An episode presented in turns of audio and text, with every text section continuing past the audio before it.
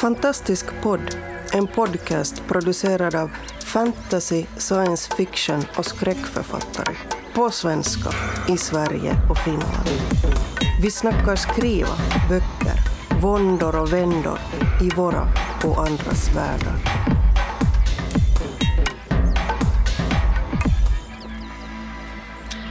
Hej och välkomna till Fantastisk podd. Idag så är det Stockholmsgänget som har samlats.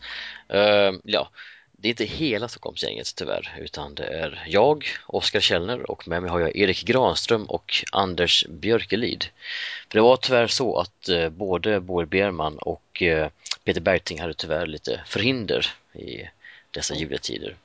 Men det får nog gå bra med oss tre gamla gubbar ändå. För, för Oskar, det, det finns ingen med från Stockholm. Två från Uppsala och en från Knivsta. Just det, det är sant. Och Knivsta ja, är ju Uppsala län, typ. Så den här gången är det Uppsala-gänget. det är helt sant. Det är, det är som en utbrytar Falang. uh, idag så tänkte vi prata om uh, helgdagar och uh, religioner i fantasyvärldar. det är ju nämligen så här att det är jul, ja inte riktigt jul men nästan jul när det här avsnittet släpps. Och tyckte vi att det var kanske en bra idé att eh, prata just om eh, hur man eh, ska skapa en, en värld som har lite djup i sig. Och, och i sådana fall så krävs det ofta att det finns saker som är viktiga för människor med helgdagar och religioner och de här bitarna. Och det var ju egentligen jag som, det var ju jag som föreslog det här ämnet för idag. Så Ska jag börja eller? Det tycker jag är en bra idé. Absolut. Yes. Vi lyssnar andäktigt. Ja, det låter bra. Uh, nej, men jag har tänkt lite grann på det här och som jag ser det i, i vår verklighet i alla fall så finns det ju olika sorters helgdagar. Uh, till att börja med så har vi ju uh, helgdagar som är vad säger, kalenderbaserade eller säsongsbaserade. Alltså nästan i alla kulturer så finns det ju att, att man firar när det är dags att plantera på våren och man firar när man skördar. Man firar helt enkelt de här bitarna med hur man får sin mat. Eller det kan vara vid eh, hur det är med stjärnor och eh, solen och andra liksom, himmelska fenomen. Väldigt tydligt uppe i norr där vi bor med midsommar och eh, även då på vintern när det är som mörkast med, eh, ja förr i tiden var det väl midvinterblot. Det, och, och, och, det blev lite annorlunda sen när kyrkan kom in och gjorde om det till eh, jul istället när man skulle komma ihåg eh, Jesu födelsedag istället. Jag kan garanterat säga att han inte föddes i december kan vi garanterat säga vilket fall som helst och det där är ju ett kyrkopolitiskt drag som man gjorde för jag kommer inte ihåg hur länge sedan det. Men, men i alla fall... Det, det... Jag kommentera en sak där, Oskar? Ja. Yes. Vi spelar in detta på Lucia faktiskt. Och eh, om, om jul är ju en sak, men Lucia är ju en ännu märkligare helg egentligen för Sveriges del tycker jag. Det här helgonet från Syrakusa på Sicilien som känns väldigt främmande egentligen. Tycker jag i alla fall. Alltså Lucia, faktum är så här, jag, om jag minns det här korrekt nu. Uh, fram till år, var det runt 1755 där någonstans var det, så mm. gick vi efter den julianska kalendern. Och eh, då var det den 12 eh, december som helt felaktigt pekades ut som årets mörkaste natt. Och därför var det då väldigt passande att ha en högtid med en ljusbringare eh, där. Men sen då när man gick över till den gregorianska kalendern istället som eh, då puttade rätt de här dagarna efter alla dessa skottår som gått fel i den julianska så insåg man helt korrekt då alltså var årets mörkaste eh, natt eller dag eh, runt den 21-22 december så det är där liksom som, som det ligger. Så eh, jag tror att även Lucia har sina rötter just i det här att det är det mörkaste möjliga. Men sen hur det är helgonet från, eh, var det Syrakusa. Syrakusa? Ja, mm. kom in i det hela. Det vet jag faktiskt ärligt talat inte. Alltså, jag, tror, jag tror att det var en, hel, en, hel, en hednisk helgdag från början nämligen. Mm, ja, det finns en sammanblandning där ja. också. Ja, det var en parentes. Ja. Nej, men, men det är väldigt bra att du säger det, för att eh, jag, tänkte, jag tänkte precis säga det. Till att börja med har de här liksom, kalenderhögtiderna, de här som beror på säsonger. Men väldigt ofta är ju det här kopplat på ett eller annat sätt då till den andra gruppen som jag tänkte på, vilket just då är religiösa högtider. Som ofta men inte alltid, men ofta kopplat till minne av någon eller något. Eh, som eh, just eh, julen då, där kyrkan helt enkelt tog över den gamla midvinterblotet och sa att men, nu ska vi åkomma Jesu födelse istället den här tiden. De försökte ju också ersätta den svenska midsommaren, har jag fått för mig, med att minnas den helige Johannes döparen. Mm. korrekt. Men misslyckades med det därför att midsommartraditionerna satt i för hårt eh, tydligen och Johannes döparen kanske inte var viktig och intressant nog. Sen tänker jag att det också finns en tredje kategori av högtider. De, de personliga högtiderna. De personliga, och då är det också en typ av minneshögtider där man minns liksom sin födelsedag, det är väldigt vanlig i vår kultur. Men det finns andra kulturer där eh, kanske just födelsedagen inte är det viktiga utan kanske är dagen då man gick igenom sin eh, bar mitzvah eller vad som helst. Jag vet inte, alltså det, när, när man liksom blev, när man gick från barn till vuxen. Eller i vissa kulturer kanske den dag då man eh, blev eh, jägare på riktigt eller invigd liksom i eh, männens eller kvinnornas eller vilket, ja, vilket, vilken eh, social gruppering det nu än är liksom, som, som är det viktiga. Men det finns ändå, eh, nästan i alla, eh, alla kulturer jag någonsin hört talas om i alla fall, så finns det någon typ av personlig eh, minnestid för en milstolpe som man, eh, som man går igenom som människa i, i livet. Eller vad säger ni? Kommer, kommer ni på någon, någon annan, förutom de här säga, säsongshögtiderna, de religiösa högtiderna och så där personliga högtider, kommer ni på något annat? Som... Ekonomiska Politiska högtider. Förlåt? Politiska högtider, ja, precis. Ekonomiska och politiska. Just det. Mm. Första maj och liknande saker av firande av, av politisk grad. I Ryssland, Sovjet, Sovjettiden i Ryssland var ju fylld av politiska högtider. Och nationaldagen har ju nästan alla länder också. Mm, precis. Det just det, just politisk. Det. Just det. Exakt. Och sen ekonomiska högtider tycker jag är liksom egentligen det vi firar ja. idag på något sätt. Ja. Sånt som alla hjärtans dag, fars dag, mors dag som har en... Fast där, där har jag lite rolig, eller ja, som jag tycker är rolig i alla fall. Eh, I mitt eh, då fantasiland, vi ska frossa ja, i vår egen fantasiland. Ja, precis. Där Kastyke va? Ja, alltså jag har ja. ju en kommersiell statsreligion i Tjakorien mm. som då är fantasiland. Och där, har, där finns det då många sådana kommersiella hel, eh, helger. Först och främst så firar man under en hel vecka då på sommaren frigörelsen så att säga när man flydde då från det repressiva som man tyckte grannön och sen upprättade sin, sin stat som då blev kommersiell. Och eh, sen, sen, finns det då, det finns en ganska rolig helg som heter Rättmätigandet som infaller någon gång på hösten där man plockar fram allt man har tillskansat sig under året både rättfärdigt och orättfärdigt för att det anses vara listigt hur man än fått blivit förmögen. Ett sakrament att förmera guld i Takorien. Så att då går man och paraderar då att man har liksom samlat på sig och visar upp sin rikedom helt enkelt. Skrytaktigt, vilket är helt okej okay där. Så det, det, är ju lite roligt, det är ju satir alltså. Det, det, det är väldigt tacksamt att göra satir på. Har du snott det där från någon eh, kultur eller är det vår egen kultur som du eh, säga, gör explicit det vi ändå håller på med? Jag vill egentligen bara slå upp en veckotidning. ja, precis. Men, men du, eh, du Oskar, du har väl i, i, i kristendomen, va? i och med att du har förlagt din fantasyvärld till Sveriges 1800-tal om jag förstått rätt? Ja, precis. Eftersom min fantasyvärld är ja, det är ju egentligen Sverige i början på 1800-talet, men det är en värld där det fortfarande finns troll ute i, i skogarna och älvor i mörkret. Och som, de har ju sina religioner och sina tra traditioner och sina helgdagar, men eh, det finns ju också liksom, eh, den svenska kyrkan med eh, kristendomen och alltihopa. Och jag ska inte säga att den har en jättestor roll, men ändå en ganska tydlig roll eh, på så sätt att Erik, min huvudkaraktär, eh, eller en av mina huvudkaraktärer, får ju bo hos eh, kyrkoherden på den här byn där han hamnar. Och eh, den här kyrkoherden och hans eh, familj och där har ändå en eh, hyfsat stor roll i böckerna. Alltså, alltså i, i, mina böcker så försöker jag lägga allting sådant på en säga, ganska låg nivå ändå, i alla fall när det kommer till säga, existerande religioner. Sen, sen kan man ta ut svängarna desto mer i de religioner som man hittar på. Mm. Eh, till exempel eh, så har jag haft väldigt kul med mina troll.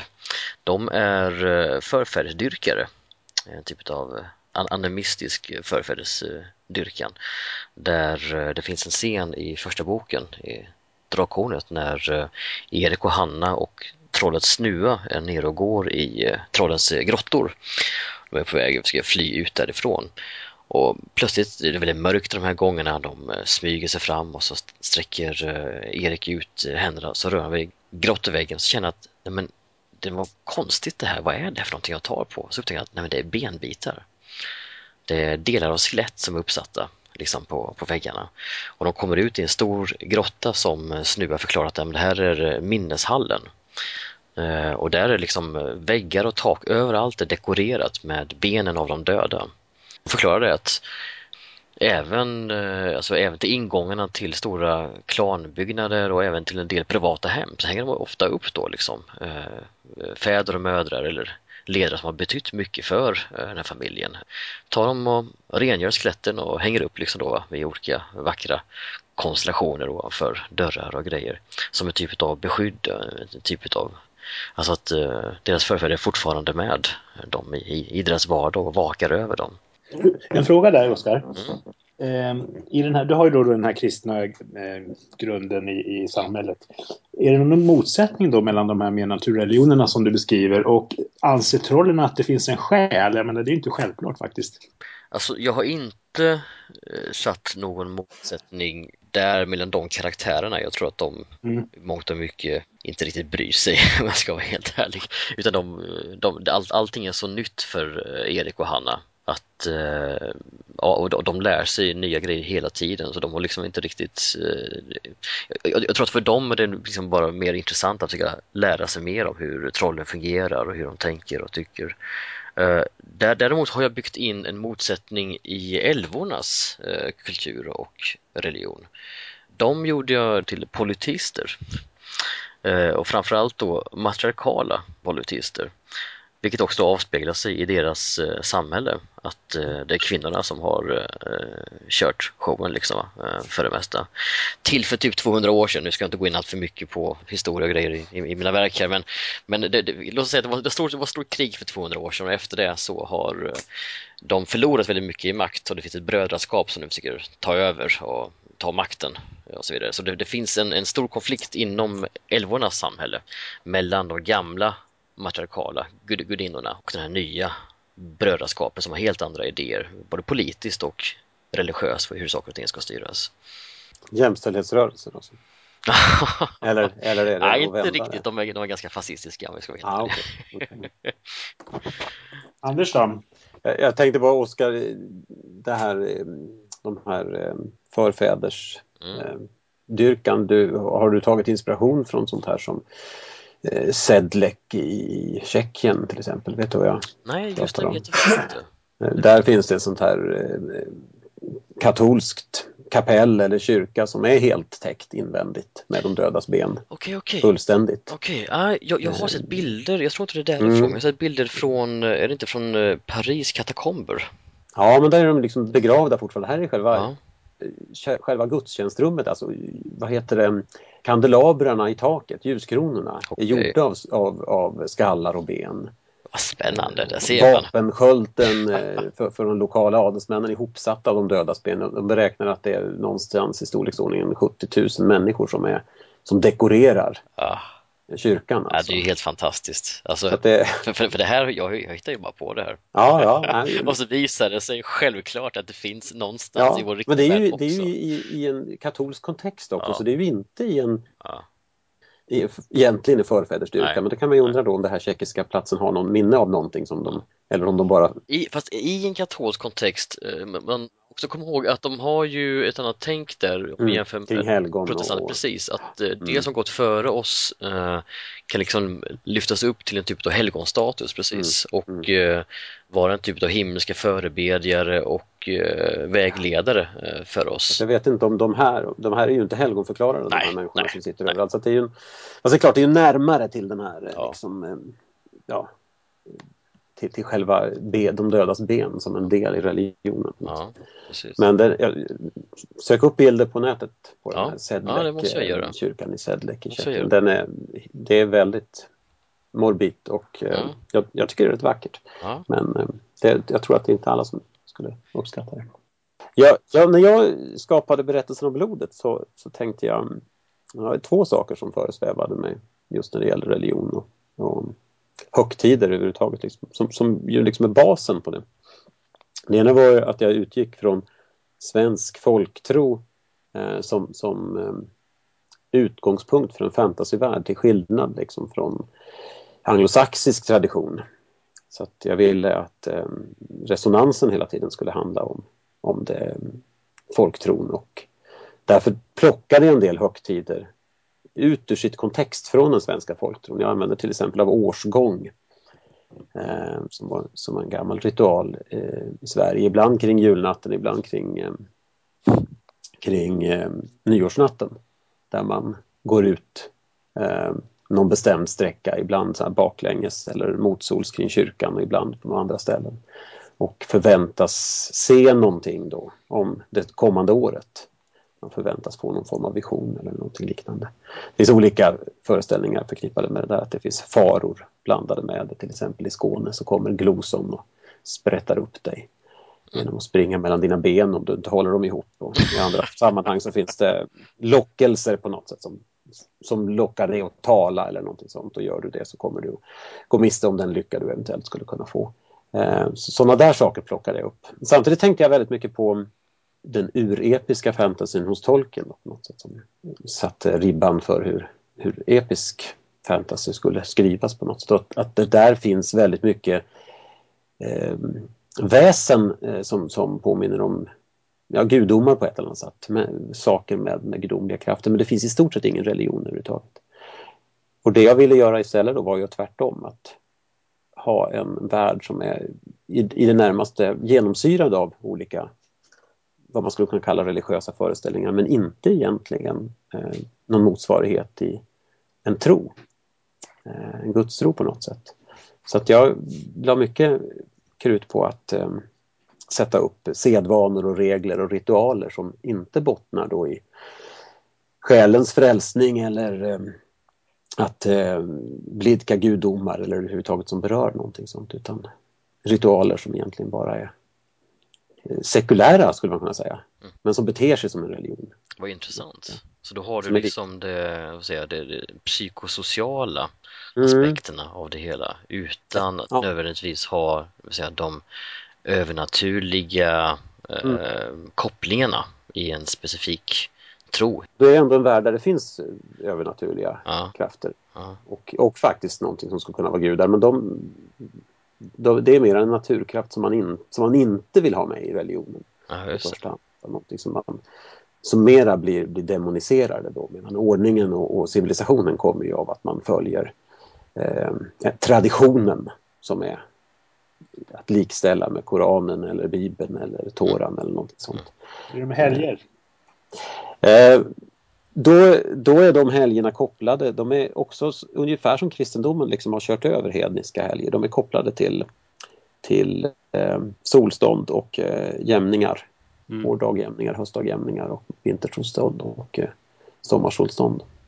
Där finns och då finns problemet att, att man ser dem som en rit som förnyar traditionen och ens, eh, ens grepp över världen och ens kontroll över världen då genom att, att bekräfta att, att det är de här reglerna vi följer och därmed så håller sig alla på sin plats och därmed är hierarkin och ordningen säkrad i världen. Medan samtidigt så är alla de där eh, är ju givetvis också brytpunkter för någonting äldre och eh, faktiskt kraftfullt, alltså någon form av naturkrafter som försöker eh, eller faktiskt är nära eh, den mänskliga världen i de, de ställena. Så samtidigt som man försöker då förnya sin egen kraft och, och ha den här så att säga, lite sekulära religionen, hålla fast vid den. Så, så vid varje, varje sån här högtidstillfälle så finns det någonting under ytan då som, som också trycker på och vill, vill ut i de tillfällena. Så de är väldigt farliga. De riterna man genomför där är egentligen väldigt farliga varje gång för att det riskerar alltid att haverera hela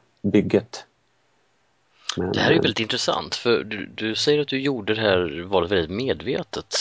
Alltså när jag skrev berättelsen om roligt så var, var, min, min, var min uttalade tanken att jag ska se om jag kan, eh, vad jag kan göra med episk fantasy. Mm. Eh, som både känns helt igenkännbart mm. men känns som det är mitt och nytt på något sätt? Mm. Kan, jag, kan jag göra någon sorts form av förnyelse utan att egentligen tafsa på reglerna?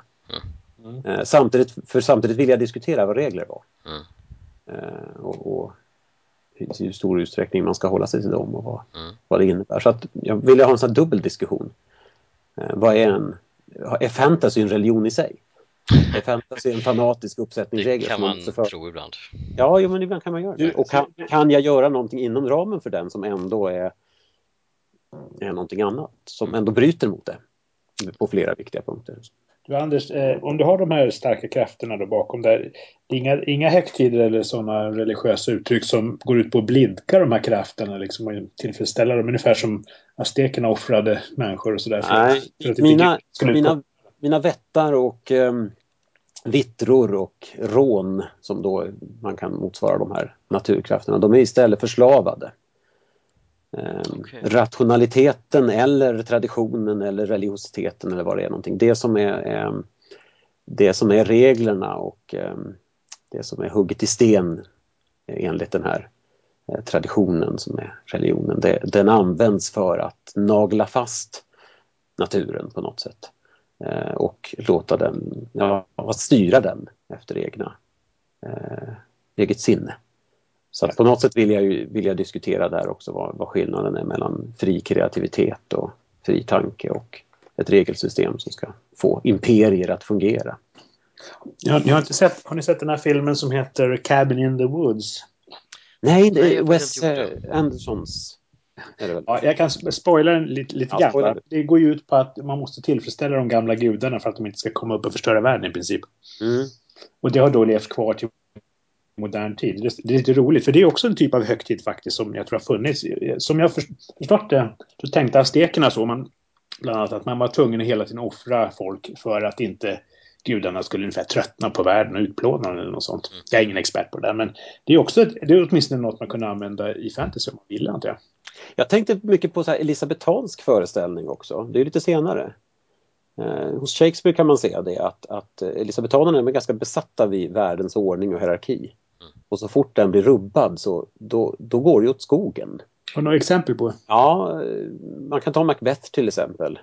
Det är väldigt tydligt där när, när Lady Macbeth eh, hon, eh, när hon tar till eh, kniven och ska mörda och då, då kommer hon ju att- störa den, den, den rättmätiga tronföljden egentligen.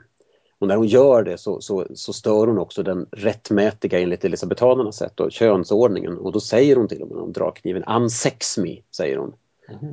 Så hon är väldigt medveten om att hon, nu går jag emot vad det är. Och ehm, eh, idag skulle vi kunna se det som en, någon sorts frigörelse då, men för elisabetanernas sätt så blir det blir kaos. Mm. Som blir resultatet. Att man rubbar tronföljden, att könsrollerna suddas ut, det, det leder då till att man måste tvätta hela skådespelet i blod på slutet för att eh, ordningen ska återställas.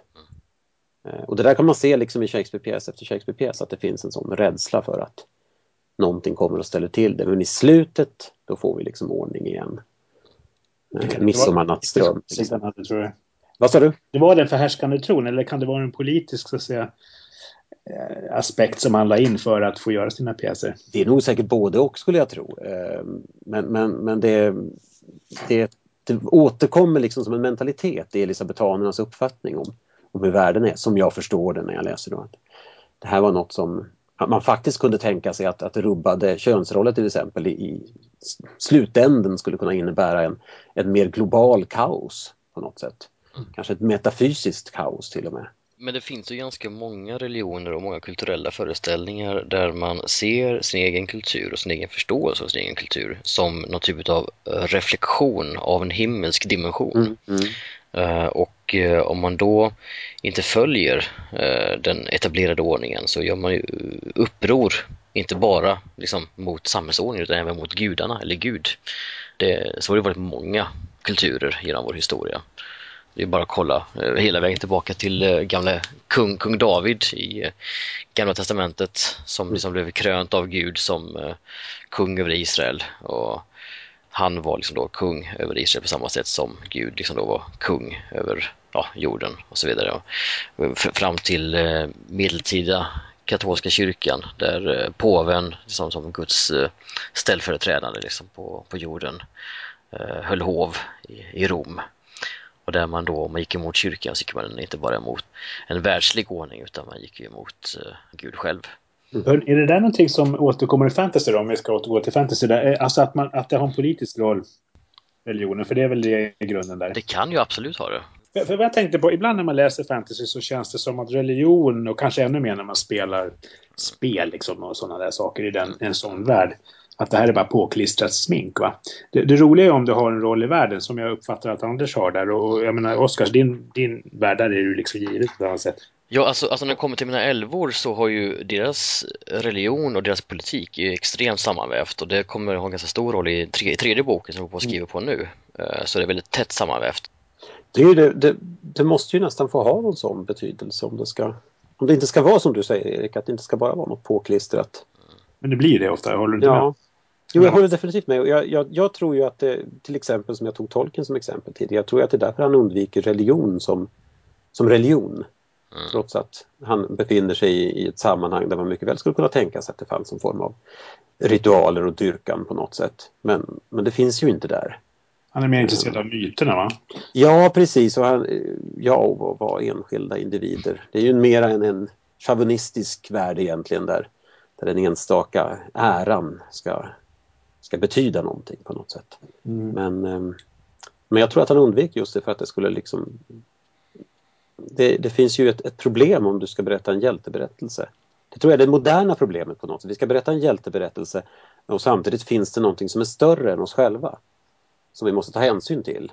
Um, och eh, det är ju ganska naturligt i de här medeltida, jag menar, om fantasyns ursprung är sig Rolandsången eller medeltida eh, chansons och sådana här. Så där är det ju väldigt naturligt. Arthursagan också. Mm. Där, oh ja. där, där, där, där, där förhåller man sig. Ja, där förhåller man sig hela tiden till att det finns någonting större. Mm än en själv. Det, det... Den grekiska tragedin går väl egentligen också ut på det. Att nu kliv inte över skacklarna för då åker du dit. Nej, just det. Det är en annan variant av det. Det är sant. Precis. Där är det personliga förhävandet på något mm. sätt. Mm. Mm. Men, men hörni, uh, om, för jag ser att våran tid börjar gå här. Uh, oj, oj, oj. Ja, Pratar vi så mycket fast vi bara är tre? Ja, jo, uh, jag tänker uh, om vi, för nu har vi pratat en hel del om religioner och högtider i vår värld och även en del om hur vi har gjort en del i våra egna verk och böcker, hur vi tänker kring det. Men om vi ska ge lite tips då till folk som sitter och skriver olika hur, hur skapar man en bra religion i en science fiction eller fantasyvärld. Eh, vad bör man tänka på och kanske också vad bör man absolut inte göra? Mm. Erik, vill du börja? Ja. För det första ska man inte planka något rakt av. Det tror jag det nog, gäller nog alltid när man skriver någonting. Eh, sen, det tycker jag det är utgångspunkten för religion som jag ser det då, som, som själv inte är religiös. Det är liksom att vad är det folk går och oroar sig för till vardags? Vad är det de vill uppnå? Vad är viktigt för dem så att säga? Vad har de för typ av samhälle? Som Eh, Eh, just det här om man har ett jordbrukssamhälle då blir det väldigt naturligt det här med att man hoppas att det ska bli en bra skörd och man hyllar våren när den kommer och är rädd om vintern och så vidare. Va? Så att det ligger nära till hands att ta. De, sådana finns det ju väldigt många exempel på. Eh, men sen har man då en värld där Alltså man kan ju inte bara ha, man ska inte bara ha ritual, man måste ju ha någon slags grund i varför gör folk det här tycker jag. För det ska bli intressant tycker jag. Va? Mm. Ja, men precis, det måste finnas ett djup, det måste finnas en, en orsak, det måste finnas ett, eh, en bakomliggande mytos. Sen så alltså, behöver man kanske som författare inte, det tror jag att man inte ska göra, man ska inte ägna sida upp och sida ner med att förklara alla olika högtider och alla olika religioner och deras eh, tusenåriga historia alltihopa sånt där. Eh, men jag, jag, tror att precis som Tolkien gör när han bara slänger lite referenser eh, här och där så tror jag att det kan vara bra att själv kanske ha en aning om vad som finns i bakgrunden. Men att man ger bara lite korta referenser till det ena och till det andra. Och på så sätt så får man ett djup i vad som ligger bakom ritualerna, vad som ligger bakom eh, helgdagarna utan att nödvändigtvis liksom, va, eh, göra en himla infodump om eh, precis hur exakt allting hänger ihop. Utan man lämnar det lite grann åt eh, läsaren själv eh, sätta ihop och förstå hur det, hur det fungerar. Jag tycker det, det man kan göra i fantasyvärldar som, som man inte kan göra i andra världar eh, eh, okay, det kanske man kan, men, men som, som är ett, ett unikt fenomen eh, Eh, för oss är ju att vi kan ställa eh, föreställningar och ehm, eh, riter och traditioner mot en plötslig verklighet. Ehm, och det där är ju något som jag tycker är ganska spännande om man, om man konstruerar religionen. Jag, jag, vill gärna, lite grann som Erik säger, att man utgår från vad folk är oroade för. Men det tycker jag är liksom utgångspunkten för kulten mm. på något sätt kring någonting. Men jag, jag tycker, jag är, jag är lite besatt som ni märker vid religion, religion som struktur. Mm. Um, jag tycker det är väldigt intressant att tänka på religionen. Vad, vad är det som vilken typ av, av uh, riter, vardagsregler, uh, vardags... Um, mentalitet är det som kan ge vilken typ av kontroll eller påverkan på en befolkning? Alltså vad, vad är det människor är ute efter? Och vilken nytta kan de ha av en religion på något sätt? Eh, och det, där, det kan man skapa en ganska intressant religion utifrån det, utifrån olika personers intressegrupper och se dem i religiösa termer. Men, men sen kan man ju, det som blir så häftigt med fantasyvärlden är att sen kan du ju låta den här eh, religiösa föreställningen möta en verklighet också som kan se helt annorlunda ut än, än vad de religiösa reglerna tänkte sig. Man kan möta gudomen eller det man trodde var gudomen, någonting annat. Och det kan vara precis vad som helst du kan skapa en spegling. Liksom, där du... det, det är väl egentligen en väldigt bra början i fantasyvärlden. Finns de här gudarna och är de på mm. det sättet som folk tror?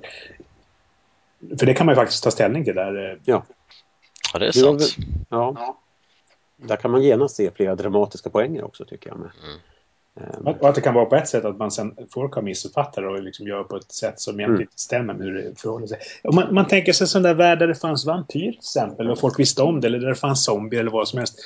Då, tycker, då borde ju egentligen religionen ta hänsyn till det på något sätt. Om man nu kunde gå ifrån det här goda och onda som man ofta hamnar i.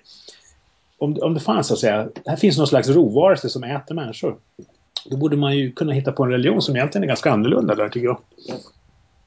Det är ju säll, det är sällan, precis det där du sa tidigare Erik med att religionen i fantasyvärldar gärna blir liksom kosmetika. Mm. Så är det ju det att den sällan tar hänsyn till hela världen.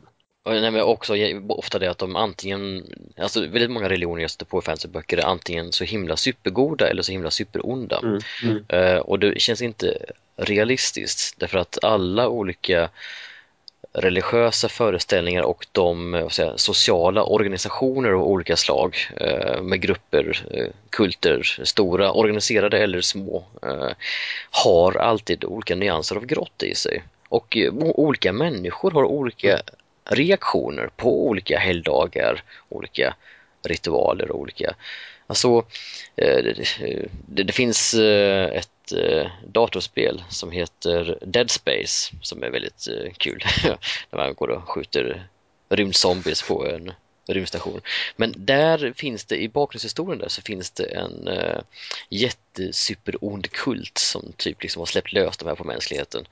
Eh, och det är liksom typ den största religionen typ liksom i det, ja, sammanhanget. Och det blir liksom lite, lite löjligt efter ett tag liksom när man eh, går, går omkring i den här stora rymdstationen så kommer jaha, här har vi hjärntvättningsrummet ja, och där har vi alltså man känner att ja men det här har liksom lämnat all eh, realism långt bakom sig därför att alla människor, alltså tio miljoner människor skriver inte på på en religion om den är så uttalat ond utan den måste ha aspekter av den som ter sig i sådana fall väldigt gott.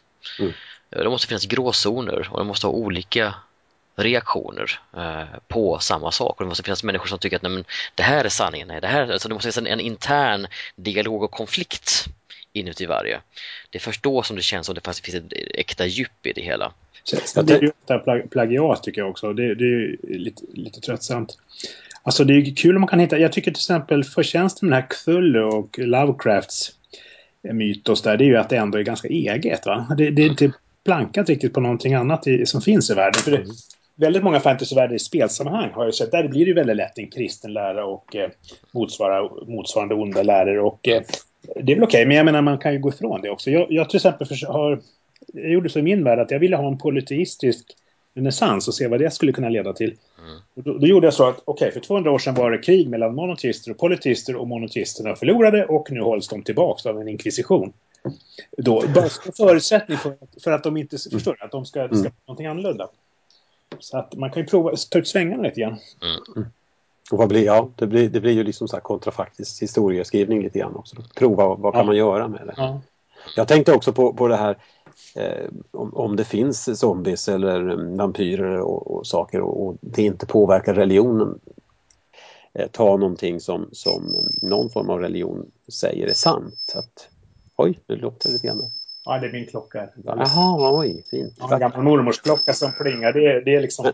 Men, det det, är just när jag börjar prata om skräck och så Ja. slår klockan. Jag, jag, jag tror det är klockan som säger nu är är dags, tiden nu ute. sluta. Det är dags att sluta. Vi börjar nå slutet. Ring klockan, ring! Yes. Vi är kanske på väg in i ett annat ämne och vi diskuterar skräckeffekter och eh, yes. eh, var man baserar dem. Ja, Eh, det det, får bli kanske ett vi kan ta för- för framtida diskussioner. Vi har med oss Ja. Boel och Peter också. precis, precis. Det låter bra. Tack för ikväll hörni, det var mycket intressant där. Ja, Tackar. Eh, ska vi avsluta med att säga att vi, vi saknar Ja, våra... verkligen. Vi saknar, vi saknar er Boel och Peter. Puss och kram på er. Ja, det, det känns... Det här och trycker våra religiösa symboler till våra hjärtan. För det var ett försök att fylla tomrum. Och eh, till alla våra lyssnare, eh, god jul och Ja. eh, gott nytt år från oss på Fantastisk podd.